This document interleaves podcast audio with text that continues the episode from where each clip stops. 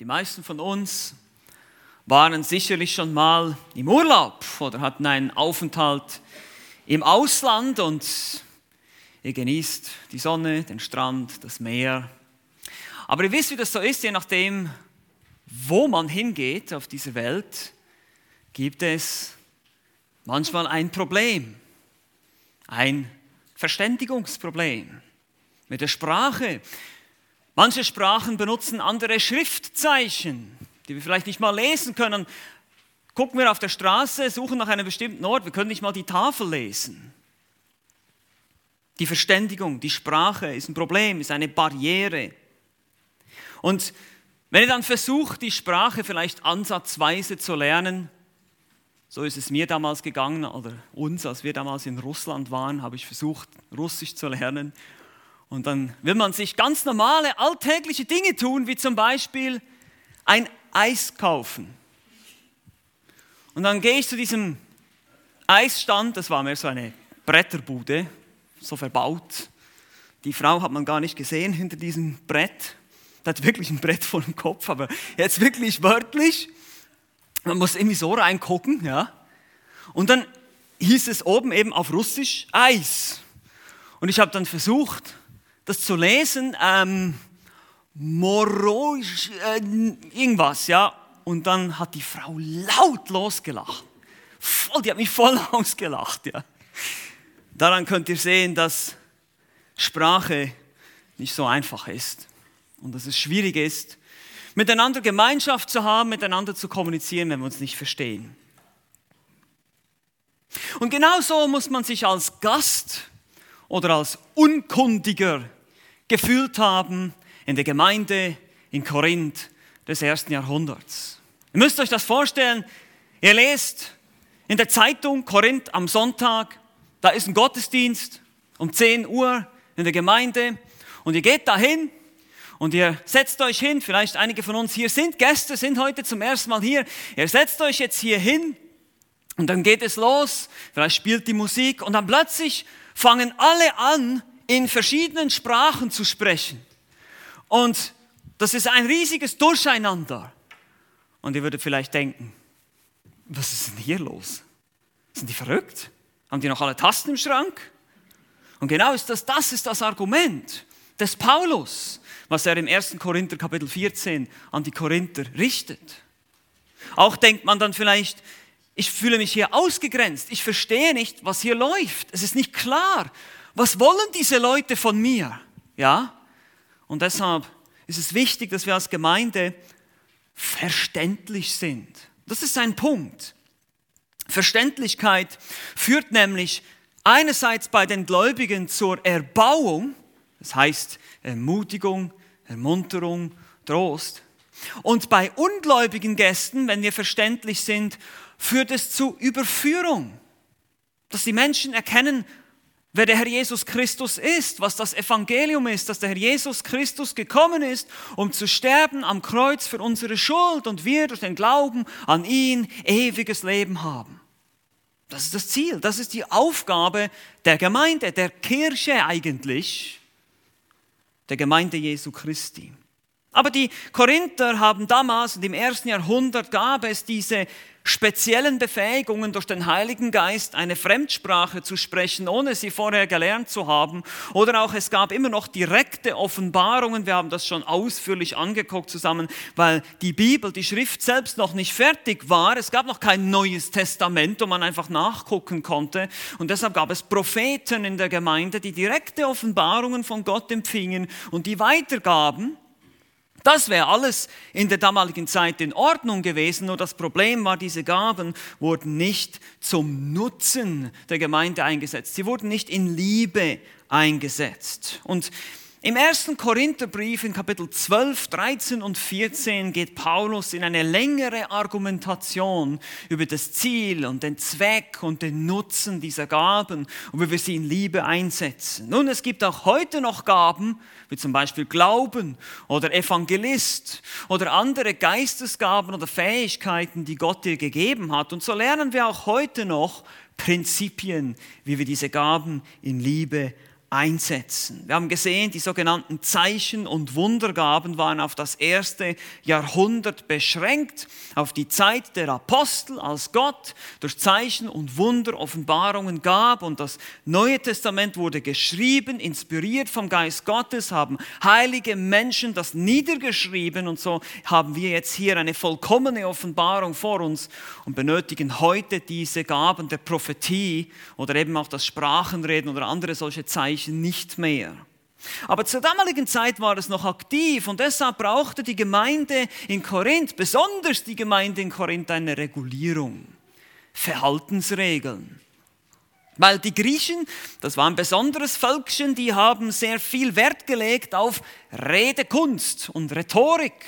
Und deshalb gefiel ihnen diese Gabe des Sprachenredens ganz besonders. Und so gab es wie so einen Wettkampf, ein Wetteifern unter diesen Leuten. Und Paulus kommt, muss diesen Brief schreiben und sagen, Moment mal Leute, was ihr hier veranstaltet, das ist nicht zum Nutzen, weder den Gläubigen noch den Ungläubigen. Darauf werden wir uns auch zu sprechen kommen, dann in den Versen 26 und folgende angucken. Wir sind immer noch in den Versen 1 bis 25. Und das haben wir letztes Mal begonnen und das werden wir heute beenden, die ersten 25 Verse des ersten Korintherbriefes im Kapitel 14. Wie gesagt, Paulus schreibt einer unreifen Gemeinde und korrigiert sie, vor allem hier in diesem Abschnitt über den falschen Einsatz dieser Gaben.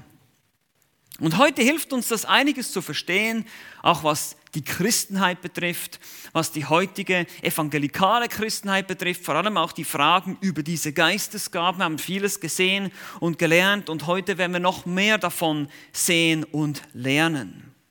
Lasst uns diese Verse erstmal gemeinsam lesen. 1. Korinther Kapitel 14 und ich hoffe, ihr habt irgendwo eine Bibel vor euch, wo ihr reingucken könnt, weil wir werden heute sehr viel lesen aus der Bibel und deshalb ist es wichtig, dass ihr reinschauen könnt in den Text. Also vielleicht rutscht ihr noch irgendwo hin, wenn ihr keine Bibel dabei habt, dass ihr die Bibel vor euch habt, den Text vor euch habt. 1. Korinther Kapitel 14, ich lese ab Vers 1. Hier heißt es, strebt nach der Liebe, eifert aber nach den geistlichen Gaben. Vielmehr aber, dass ihr weissagt, das ist prophetisch reden. Denn wer in einer Sprache redet, redet nicht Menschen, sondern Gott, denn niemand versteht es. Im Geist aber redet er Geheimnisse. Wer aber weissagt, redet den Menschen zur Erbauung und Ermahnung und Tröstung. Wer in einer Sprache redet, erbaut sich selbst. Wer aber weissagt, erbaut die Versammlung. Ich wollte aber, dass ihr alle in Sprachen redetet, vielmehr aber, dass ihr weissagtet. Wer aber weissagt, ist größer, als wer in Sprachen redet, es sei denn, dass er es auslegt, damit die Versammlung Erbauung empfange. Jetzt aber, Brüder, wenn ich zu euch komme und in Sprachen rede, was werde ich euch nützen? Wenn ich nicht zu euch rede, entweder in Offenbarung oder in Erkenntnis oder in Weissagung oder in Lehre. Doch auch die leblosen Dinge, die einen Ton von sich geben, es sei Flöte oder Harfe, wenn sie den Tönen keinen Unterschied geben, wie wird man erkennen, was geflötet oder geharft wird? Denn auch wenn die Posaune einen undeutlichen Ton gibt, wer wird sich zum Kampf rüsten? So auch ihr. Wenn ihr durch die Sprache keine verständliche Rede gebt, wie wird man wissen, was geredet wird? Denn ihr werdet in den Wind reden. Es gibt vielleicht so und so viele Arten von Stimmen in der Welt und keine Art ist ohne bestimmten Ton. Wenn ich nun die Bedeutung der Stimme nicht kenne, so werde ich dem Redenden ein Barbar sein und der Redende für mich ein Barbar oder ein Fremdling. Vers 12. So auch ihr, da ihr um geistliche Gaben eifert, so sucht, dass ihr überströmend seid zur Erbauung der Versammlung. Darum, Wer in einer Sprache redet, betet, als er es auslege. Denn wenn ich in einer Sprache bete, so betet mein Geist, aber mein Verstand ist fruchtleer. Was ist es nun? Ich will beten mit dem Geist, ich will aber auch beten mit dem Verstand, ich will Lob singen mit dem Geist, ich will aber auch Lob singen mit dem Verstand. Sonst, wenn du mit dem Geist preist, wie soll der, der die Stelle des Unkundigen einnimmt, das Amen sprechen zu deiner Danksagung? da er ja nicht weiß, was du sagst. Denn du Dank sagst wohl gut, aber der andere wird nicht erbaut. Ich danke Gott, ich rede mehr in Sprachen als ihr alle.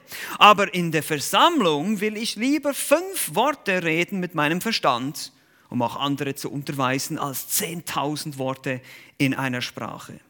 Brüder, werdet nicht Kinder am Verstand, sondern an der Bosheit seid Unmündige, am Verstand aber werdet Erwachsene. In dem Gesetz steht geschrieben, ich will in anderen Sprachen und durch andere Lippen zu diesem Volk reden, und auch so werden sie nicht auf mich hören, spricht der Herr.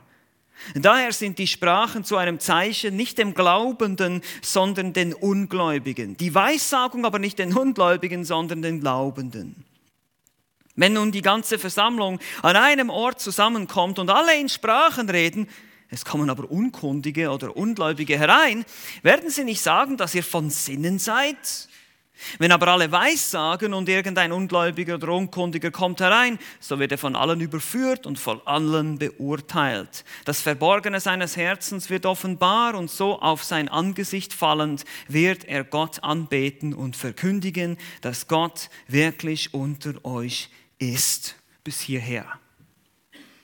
Wir haben gesehen, in diesem Text gibt es drei liebevolle Verhaltensregeln zur Erbauung durch die Gaben des Geistes. Drei liebevolle Verhaltensregeln. Wir haben letztes Mal die erste angeschaut, Erbauung durch Weissagung. In den ersten fünf Versen macht Paulus deutlich, dass Weissagung, sprich Prophetie, sprich direkte Offenbarung von Gott, klare Worte, die direkt von Gott gesprochen werden, erbaulicher sind als das Sprachenreden, das Reden in Fremdsprachen.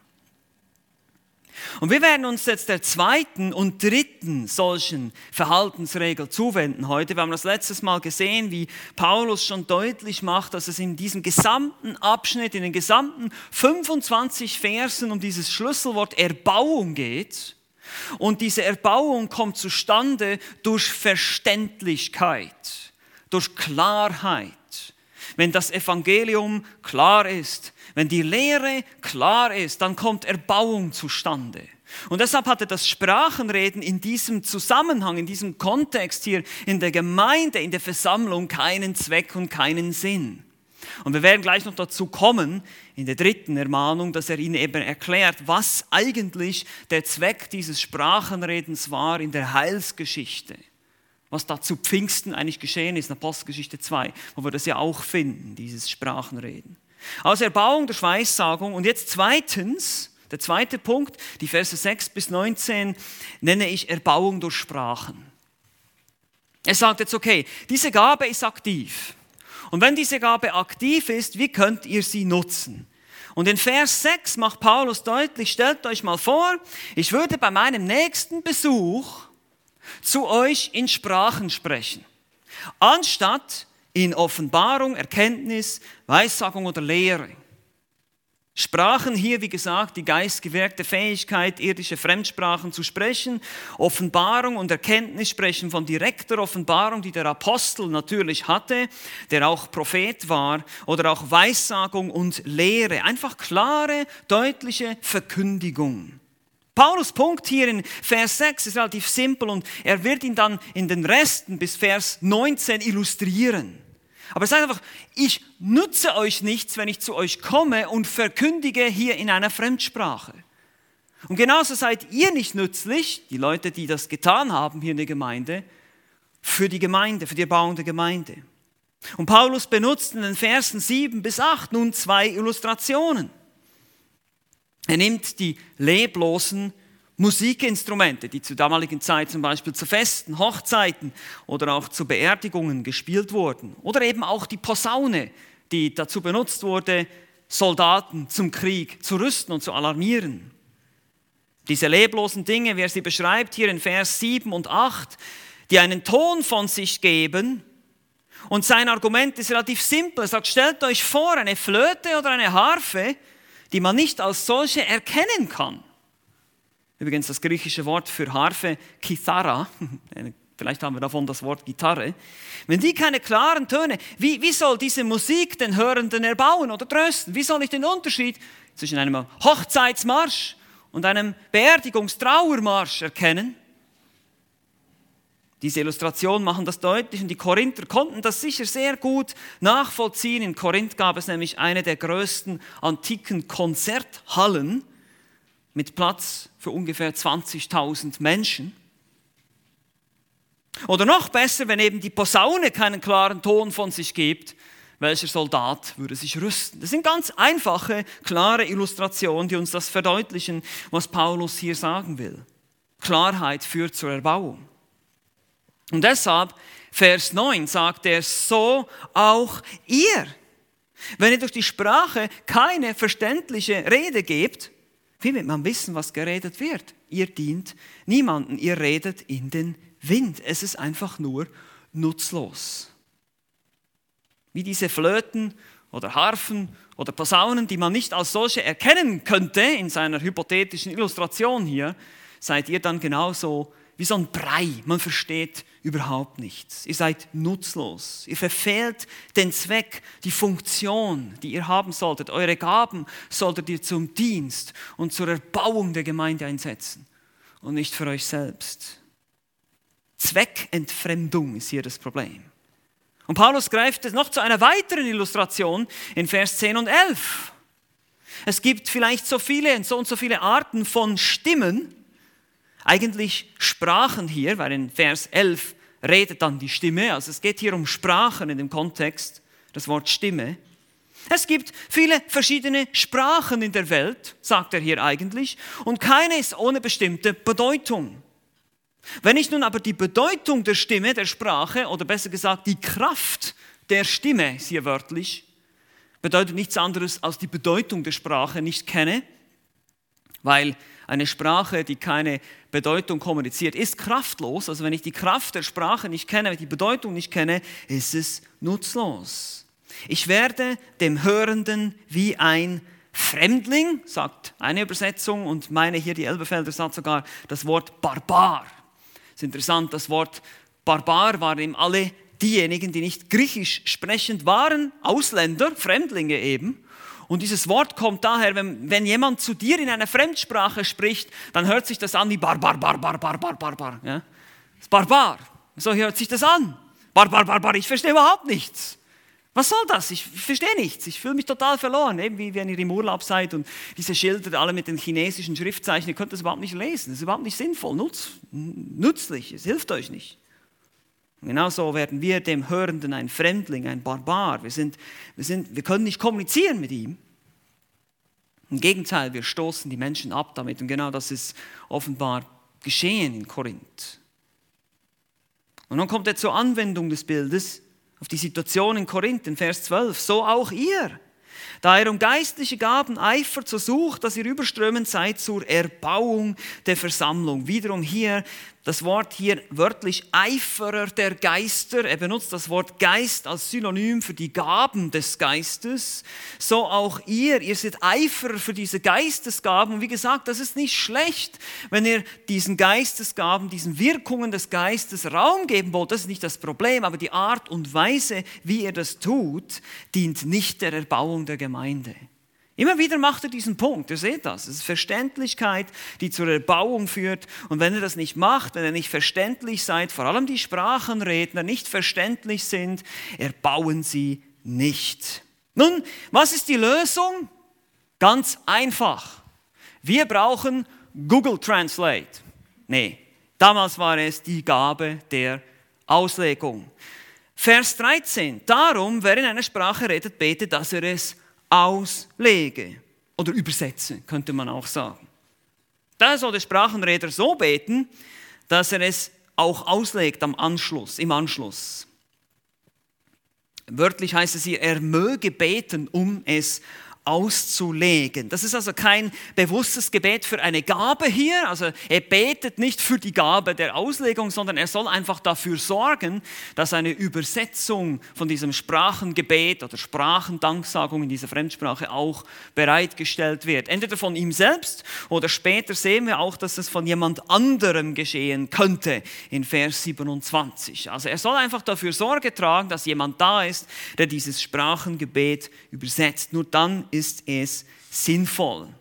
weil sonst würde das den vorherigen Ausführungen des Paulus widersprechen, dass der Geist austeilt, wie er will. Und daher kann er nicht für die Gabe selbst beten, aber einfach dafür sorgen und dafür beten, dass jemand da ist, der auslegt. Und wir werden noch sehen, sonst soll er einfach schweigen, sonst soll er das gar nicht tun. Und hier kommt die Begründung, Verse 14 und 15. Denn wenn ich in einer Sprache bete, betet mein Geist, aber mein Verstand ist fruchtleer. Was ist es nun? Ich will beten mit dem Geist, ich will aber auch beten mit dem Verstand, ich will Lob singen mit dem Geist, ich will aber auch Lob singen mit dem Verstand. Und hier haben viele Leute alles Mögliche reingelegt in diesen Vers, dabei ist es relativ simpel zu verstehen. Der Geist hier bezeichnet die geistliche Gabe. Das ist nicht der Geist, wie gesagt, Paulus verwendet das Wort Geist oder geistlich immer als Synonym in diesem Abschnitt hier für die Geistesgabe. Und der Verstand, da es hier um die Auslegung der Sprachen geht, ist die Auslegung, die Verständlichkeit. Paulus sagt hier also Folgendes. Wenn ich also in einer Sprache bete, dann betet meine Gabe, meine Befähigung. Aber mein Verstand oder meine Verständlichkeit, die bleibt fruchtleer. Und dieses Fruchtleere bezieht sich auf den Hörer, der neben dir sitzt oder vor dir sitzt. Versteht ihr? Das ist einfach der, der Punkt wird einfach weitergeführt hier. Und was ist nun die Lösung im Gemeindekontext? Wir werden noch gleich noch darauf zu sprechen kommen. Apostelgeschichte 2 war ein anderer Kontext. Hier ist die Gemeinde als Versammlung zusammen, so wie wir jetzt heute Nachmittag. Er sagt, was ist die Lösung? Ich soll beides tun. Ich soll beten im Geist und auch in der Verständlichkeit. Es muss übersetzt werden. Man soll immer beides tun, beten und Lob singen mit der Gabe und auch mit der Interpretation. Ansonsten passiert Folgendes in den Versen 16 bis 17.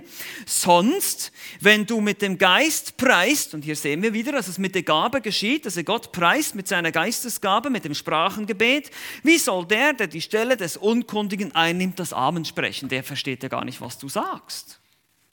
Das geht nicht.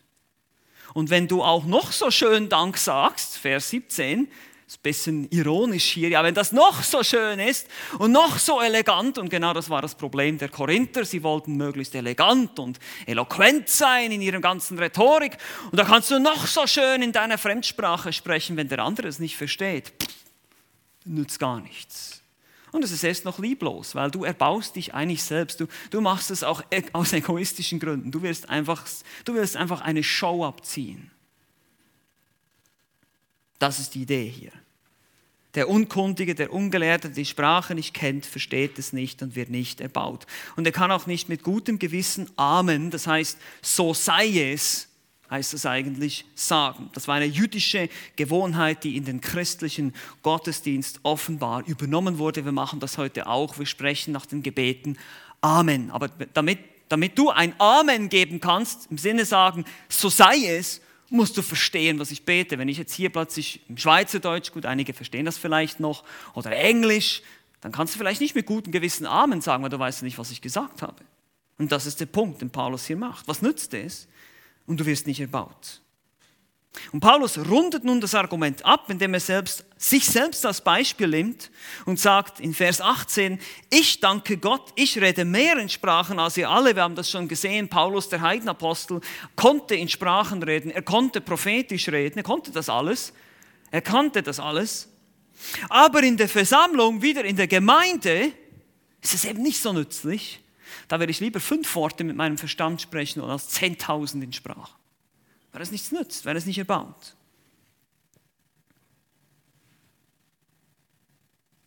Und das ist der Punkt hier. Er will nicht zehntausend Worte sprechen, die keiner versteht, sondern lieber fünf, die verständlich, simpel und deutlich sind. Paulus ordnet hier die Erbauung der Sprachen. Wie kann das geschehen? Nur wenn sie übersetzt werden sonst sind sie nutzlos für die Gemeinde. Wir werden gleich am Ende noch ein paar Anwendungen jetzt für uns heute rausziehen aus diesem Punkt, aber das ist die Zusammenfassung hier. Ich möchte jetzt noch zum dritten Punkt kommen, zu der dritten Verhaltensregel, die Paulus niederlegt in den Versen 20 bis 25. Und ich nenne es die Erbauung durch Erkenntnis. Weil das Problem war, dass die Korinther eben bestimmte Dinge zweckentfremdeten, eben diese Gaben, und nicht verstanden haben, wozu sie eigentlich gedacht waren. Und das ist ganz, ganz wichtig, meine Lieben, dass wir auch in der Gemeinde heute die Dinge so tun, wie Gott sie uns in seinem Wort gesagt hat.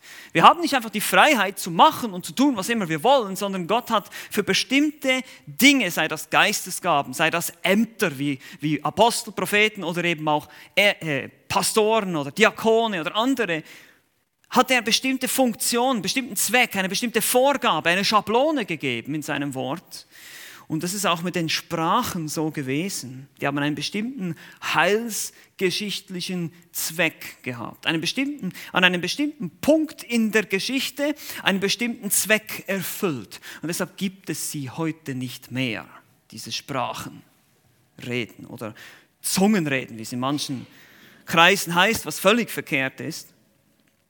Also Erbauung durch Erkenntnis. Deshalb kommt erst mal werdet erstmal ein bisschen erwachsen, sagt er ihnen. Wachst mal ein bisschen in eurem Verständnis. Und das sagt er den Korinthern, die sich gerade über ihre Erkenntnis und ihre Weisheit so aufblähen. Und sagt, aber das habt ihr nicht verstanden hier. Vers 20, Brüder, werdet nicht Kinder am Verstand, sondern an der Bosheit seid Unmündige am Verstand, aber werdet Erwachsene. Werdet nicht Kinder, Paidon hier, generell für Kinder vor der Pubertät, also kleine Kinder am Verstand, eigentlich im Denken. Benehmt euch nicht wie Kinder, seid aber unmündig, unerfahrene, wenn es ums Böse geht.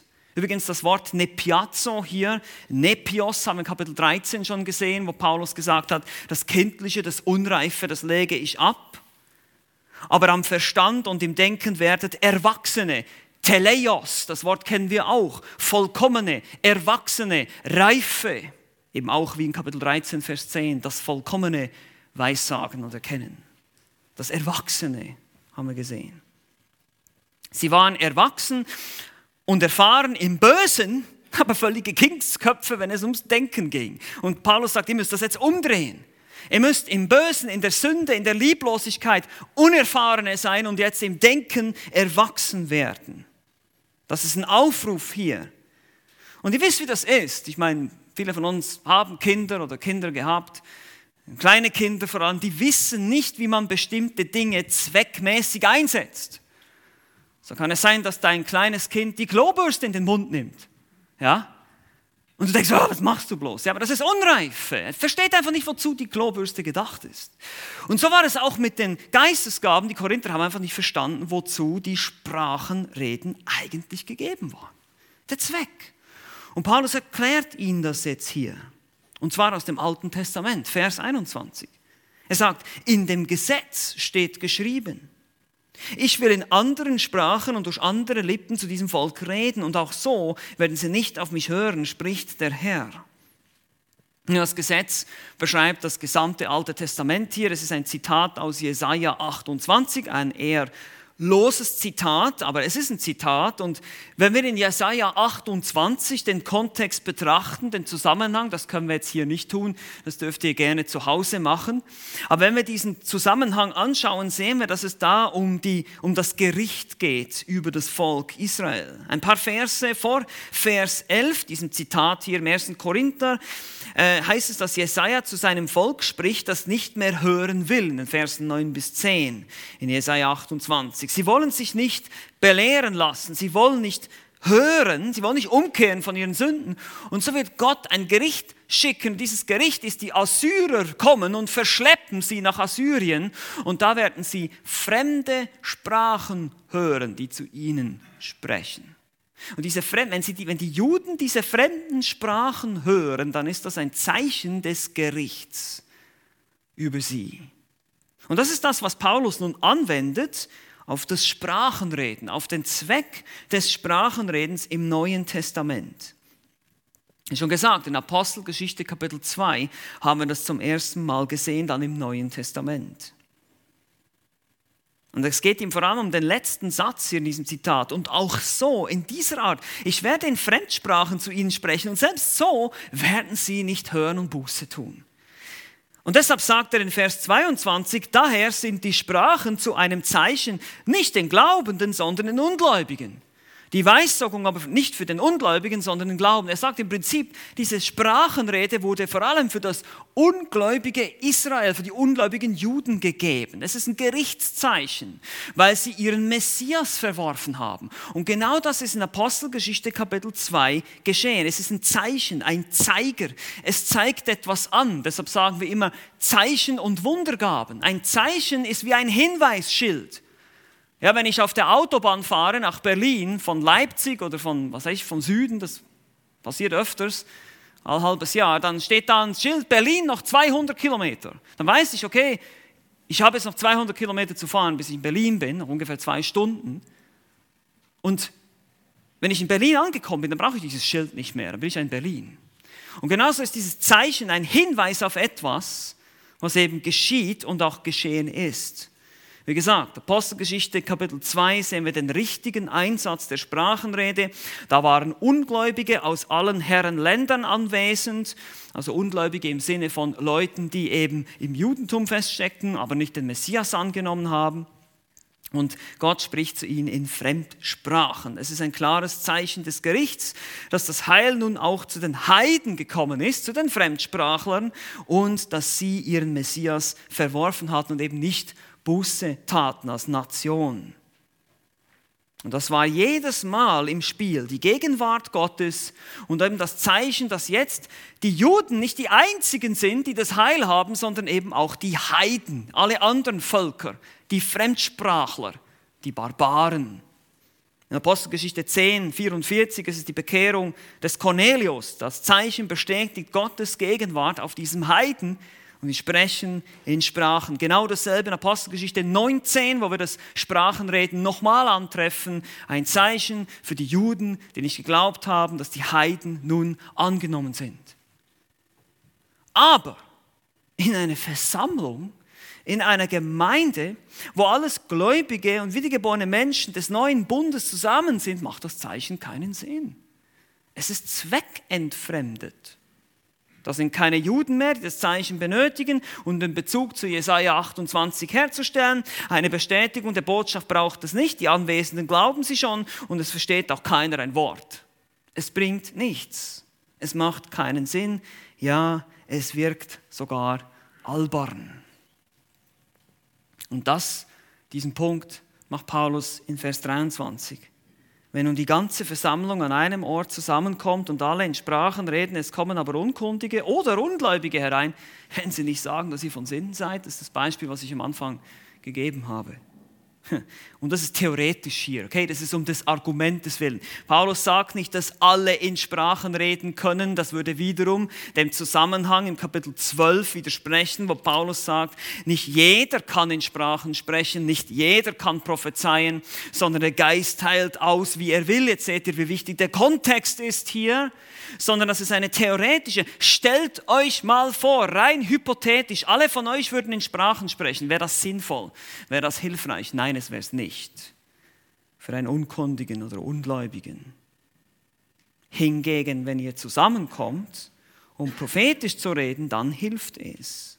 Wenn der Gottesdienst von einer klaren, verständlichen Verkündigung geprägt ist, Verse 24 bis 25. Wenn aber alle Weissagen, hier auch wieder rein theoretisch, wenn alle, können ja auch nicht alle Weissagen, sind nicht alles Propheten, aber wenn sie es könnten und irgendein Ungläubiger oder Unkundiger kommt herein, so wird er von allen überführt, von allen beurteilt. Er wird überführt, das Verborgene seines Herzens wird offenbar. Das Wort Gottes ist lebendig und wirksam, es überführt den Menschen.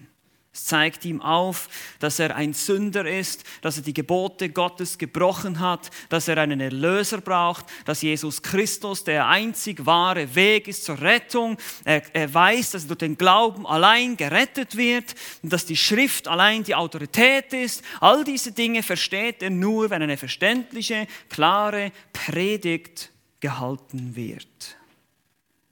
Der Besucher hört das Evangelium, versteht es, tut Buße und glaubt. Das hoffe ich auch, wenn du heute hier bist, dass du, wenn du das zum ersten Mal hörst, dass du Buße tust und glaubst.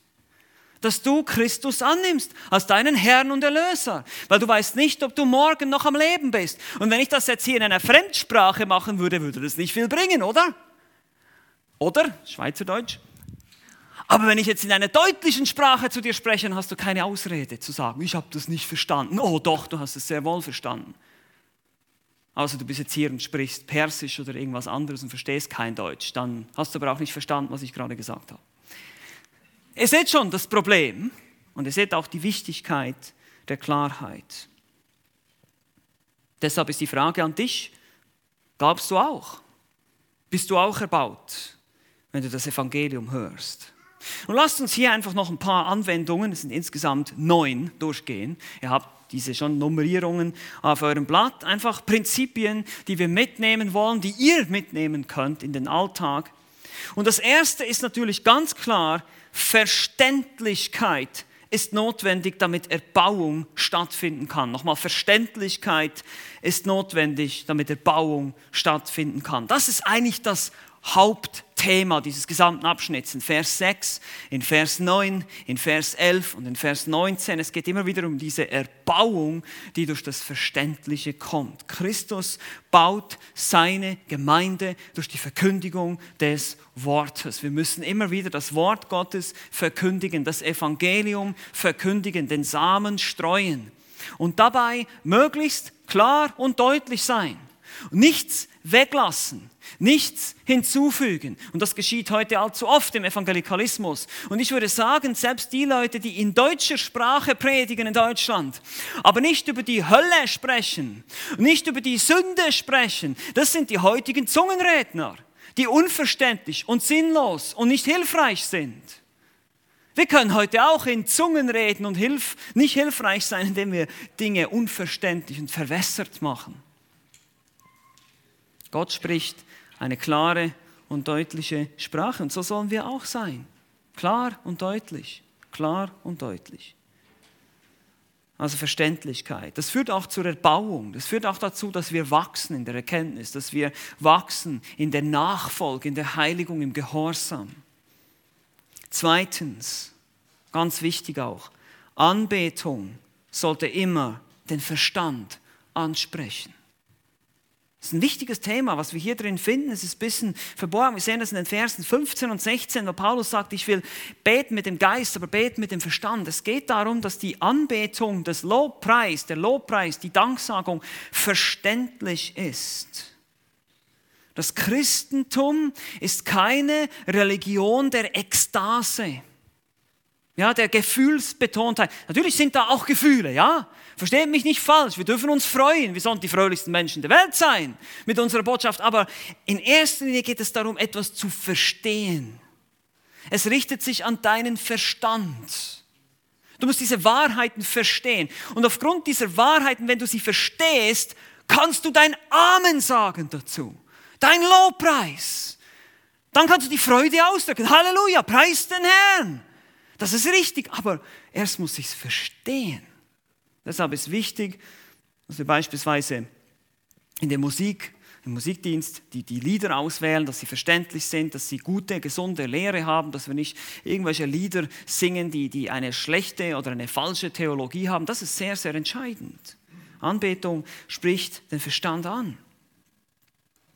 Drittens, auch so ein bisschen ein Nebenthema hier, aber wichtig, die heutige Zungenrede der Charismatiker ist offensichtlich eine Fälschung. Das haben wir schon ein paar Mal gesehen, brauche ich nicht mehr so oft erwähnen, erwähne ich einfach immer wieder, weil ich möchte einfach, möchte einfach, dass ihr eines versteht. Wenn ihr diese drei Kapitel, Kapitel 12, 13, 14, systematisch, und das haben wir jetzt bald geschafft, und wenn ihr noch nicht alle Predigten gehört habt, dann geht zurück und hört euch das alles an.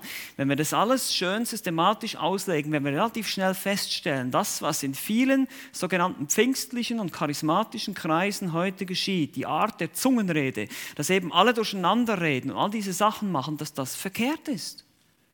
Und dass da keine Verständlichkeit und Klarheit drin ist. Und dass das vielen Regeln, und wir werden das noch weiter sehen in folgenden Versen 26 und folgende bis hin zu Vers 40, dass es diesen Regeln, die Paulus hier niederlegt, völlig widerspricht. Also die Praxis, wie es praktiziert wird, in vielen Kreisen ist auch schon verkehrt. Wenn alle durcheinander reden oder keiner übersetzt, zum Beispiel. Es wird sich, man, hält, man hält sich nicht an die Regeln, die Paulus hier festgelegt hat. Und das ist wichtig, um für uns auch zu verstehen. Die Bibel gibt uns darüber hinaus, und das ist auch interessant, kein Beispiel, wo Sprachenreden im Gottesdienst angewandt wird, außer hier. Und hier war es falsch. das ist interessant, oder? Also wir finden, wir finden kein anderes Beispiel, wo Sprachenreden in einem Gottesdienst angewandt wird, außer hier. Und hier war es erst noch verkehrt. Ich meine, das alleine sagt schon viel. Das alleine sagt schon sehr viel. Dass wir nicht Gottesdienste haben, wo viel Ekstase und viel Tumult und Spektakel und hin und her und durcheinander geschehen sollte, so wie das in einigen Kreisen praktiziert wird. Viertens, öffentliches Gebet in der Gemeinde. Interessant, wir werden noch mehr dazu hören, dann in den Versen 26 bis 40, wie Gott das geregelt hat in der Gemeinde. Hier werden auch für uns Muster niedergelegt, aber die Danksagung und der Lobpreis wird öffentlich praktiziert. Andere reagieren mit einem Amen dazu. Und wir werden sehen, dass vor allem die Männer, weil die Frauen sollen schweigen in den Versammlungen, ich verstehe das so übrigens, wie das hier steht. Ähm, das geht auch mit der Lehre des Paulus einher im 1. Timotheusbrief, wo er sagt, dass Frauen nicht lehren sollen und nicht Autorität über Männer ausüben sollen. Und deshalb sind die Männer auch aufgerufen, aufgerufen, gerade wenn es ums Gebet geht, zu beten, die Gemeinde im Gebet zu leiten. Ich denke manchmal, wenn wir, Männer, wenn wir Gruppen haben, Hauskreise zusammenkommen, ich sage, soll noch zwei oder drei beten, sind es oft die Frauen, die beten. Ich sage, Männer, was seid ihr? Ihr seid die Leiter, ihr solltet aufstehen und beten. Das ist unsere Aufgabe. Ja, und wenn, die, wenn wir Männer die Leitung nicht übernehmen, dann fühlen sich die Frauen natürlich irgendwie fast genötigt, dann das auch zu tun. Ich sage, hey, ich sage nicht, die Frauen dürfen nicht beten im Hauskreis, versteht mich nicht falsch, aber ich sage einfach nur, es ist vielleicht eine hilfreiche Sache für uns. Hier geht es um die öffentliche Versammlung, das ist das, was wir hier haben. Aber es ist vielleicht hilfreich für uns zu verstehen, öffentliches Gebet ist wichtig. Wir sollen lernen, öffentlich zu beten, vor allem wir Männer. Lernen, öffentlich zu beten. In unseren Familien öffentlich laut vorzubeten, damit deine Kinder lernen, wie du beten kannst. Damit sie das Amen dazu sagen können. So lernen sie Gebet von dir. Das ist sehr praktisch hier für uns. Also das öffentliche Gebet in der Gemeinde oder auch sonst in anderen Bereichen. Fünftens, Ungläubige im Gottesdienst. Ja, wir, wir reden davon, wir sagen, wir sind keine pragmatische, benutzerfreundliche Gemeinde. Wir, wir, wir machen unsere Gottesdienste nicht, dem, passen sie nicht dem Geschmack der Kultur an und so weiter. Aber das bedeutet nicht auf der anderen Seite, dass wir total, völlig seltsam sein sollten. Sondern wir sollen trotzdem dafür sorgen, dass Ungläubige sich bei uns wohlfühlen. Das ist nicht schlecht. Außer sie nehmen Anstoß an dem, was hier gelehrt wird. Dann ist es halt so. Weil das ist die Wahrheit. Das sollen wir nicht ändern. Aber wir sehen, dass Paulus das voraussetzte, dass Ungläubigen Unkundige im Gottesdienst sind und teilnehmen. Und daher ist der Gottesdienst natürlich nicht ausschließlich eine wöchentliche Evangelisation, aber es ist wichtig, dass wir immer, das gilt vor allem auch für uns Prediger oder solche, die es werden möchten, dass wir immer daran denken, dass im Publikum jemand sitzt, der, dich, der den Herrn Jesus noch nicht kennt. Und dass wir deshalb auch das Evangelium verkündigen. Sechstens, die Nutzlosigkeit des Spektakels. In Vers 23, Zeichen und Wunder sind nie für Evangelisation nützlich. Und ihr habt das vielleicht sogar schon von Ungläubigen gehört, dass sie sagen, ja weißt du, wenn Gott jetzt hier runterkommen würde und ein Wunder tun würde, so eben zum Beispiel das Rote Meer spalten oder das Mittelmeer meinetwegen, dann würde ich glauben. Unsinn, das würdest du nicht. Das würde er nicht. Und Paulus macht es deutlich, es ist nicht nützlich, wichtig ist, es muss klar und deutlich verkündigt werden. Power Evangelism, wie es genannt wird von einigen, ist keine biblische Idee. Wir brauchen nicht Zeichen und Wunder, wir müssen nicht auf die Straße gehen und Leute von Krebs heilen, um ihnen zu beweisen, dass das Evangelium wahr ist. Das ist nicht unsere Berufung. Und das wird Menschen nicht zum Glauben bringen, ein Wunder. Sie werden andere Erklärungen finden, um den Glauben abzulehnen, weil sie in ihrem Herzen verdorben sind, weil sie und wir auch einst die Sünde liebten und blind und tot waren in unseren Übertretungen und Sünden und deshalb wollen wir nicht zum Licht kommen. Und deshalb muss der Geist Gottes wirken. Denkt an den reichen Mann in Lukas 16, der in der Hölle sitzt und sagt, wenn aber jemand von den Toten aufersteht, dann würden sie glauben. Und Abraham sagt, nein, sie haben Mose und die Propheten, das reicht, um zu glauben. Und so ist es auch bei uns heute. Wir brauchen kein Spektakel, wir brauchen kein Zungenreden, wir brauchen keine Zeichen und Wunder, wir brauchen das Wort Gottes. Das reicht. Das ist, die, das ist die Genügsamkeit oder Genugsamkeit der Schrift. Sie genügt. Es ist genug. Wir haben alles hier drin. Wir haben alles hier drin, um geistig zu leben. Wir haben alles hier drin, um Menschen vom Evangelium zu erzählen und dass sie dadurch zum Glauben finden. Amen. Hier wird schon praktiziert jetzt. Sehr schön. Siebtens, das Zeugnis gegenüber Ungläubigen. Eine Gemeinde, die sich unordentlich versammelt und in der das Wort Gottes nicht klar und deutlich verständlich gepredigt wird, ist ein kein Werkzeug der Evangelisation, ist kein Zeugnis ich habe das vorhin schon gesagt, es ist wichtig, dass wir zwar nicht die ganzen Gottesdienste auf Evangelisation ausrichten, aber trotzdem auch evangelisieren. Das Wort evangelisieren kommt ja von evangelizomai. Im, Im Griechischen heißt das die gute Nachricht verkündigen oder eine gute Nachricht verkündigen. Und wir haben die gute Nachricht, die wir verkündigen. Und deshalb hier nochmal der Aufruf an uns Prediger. Eine Predigt, die kein Evangelium enthält, ist keine Predigt. Es muss verkündigt werden. Es muss immer wieder angenommen werden, dass jemand hier ist, der den Herrn nicht kennt. Und deshalb auch achtens, das Ziel jeder Predigt ist Überführung. Vers 24 bis 25. Das heißt, wenn er reinkommt, der Unkundige und Ungelehrte und Ungläubige, und er hört diese Menschen prophetisch reden, heute wäre das die Verkündigung des Wortes Gottes, damals gab es ja die Propheten noch, wenn er diese klare Lehre und Predigt des Evangeliums hört, wird er überführt.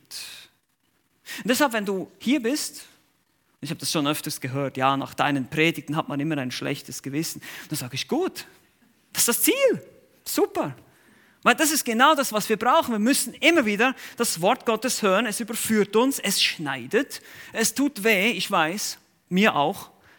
Aber es ist gut für uns, weil wir können dann wieder Buße tun, wir können wieder Kurskorrektur machen und können wieder dem Herrn weiter nachfolgen.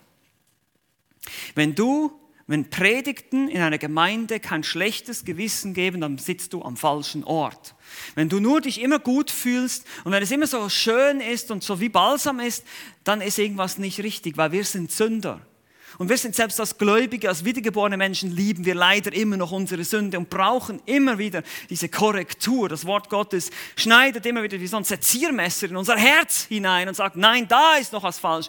Hier musst du noch was ändern. Hier bist du stolz. Hier hast du zu viel Geldgier. Hier bist du zu gierig. Und dann müssen wir Buße tun und den Herrn bitten, Herr, hilf mir zu wachsen und die Sünde abzulegen. Und das ist genau das, was wir brauchen. Die Predigt muss überführen. Wir sehen das hier auch.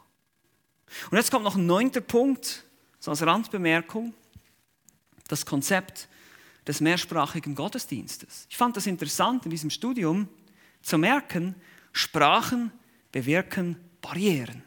Wie gesagt, es ist schwierig, wenn mehrere Sprachen zusammenkommen und ich weiß, die Gemeinde wird als eine internationale Gemeinde bezeichnet, aus verschiedenen Sprachen und Kulturen, aber trotzdem sehen wir, dass in der Gemeinde eine Sprache gesprochen werden muss und wir nicht zweisprachige und dreisprachige Gemeinden haben können. Das kann vielleicht eine Zeit lang gut gehen, es kann ein Konzept sein, das hilft, aber am Ende müssen wir verstehen, dass Sprachen Barrieren bilden. Ich verstehe den anderen nicht und so verstehe ich sein Denken nicht. Ich kann den anderen nicht ermutigen, er kann mich nicht ermutigen. Wir verstehen uns einfach nicht. Und deshalb ist das vielleicht auch noch eine hilfreiche, ein hilfreiches Ding, gerade wenn wir uns Dinge überlegen, wenn wir vielleicht mal einen englischen Gottesdienst starten oder auch unsere russischen Geschwister, dass man einfach immer überlegt, wie wollen wir klar und deutlich sein. Es kann Barrieren, eben der andere ist dann wie ein Barbar für mich, heißt es hier im Text. Interessant. Lasst uns das nochmal zusammenfassen. All diese neun Punkte gehen in dieselbe Richtung. Wir müssen verständlich und klar sein. Und wenn wir verständlich und klar sind, dann erbauen wir. Und dann überführen wir.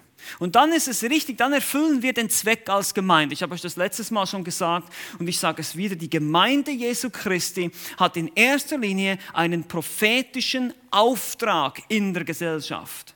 Unser Ziel ist es, aufzuklären über die Wahrheit, den Menschen die Augen zu öffnen für die Wahrheit, die das Wort Gottes offenbart.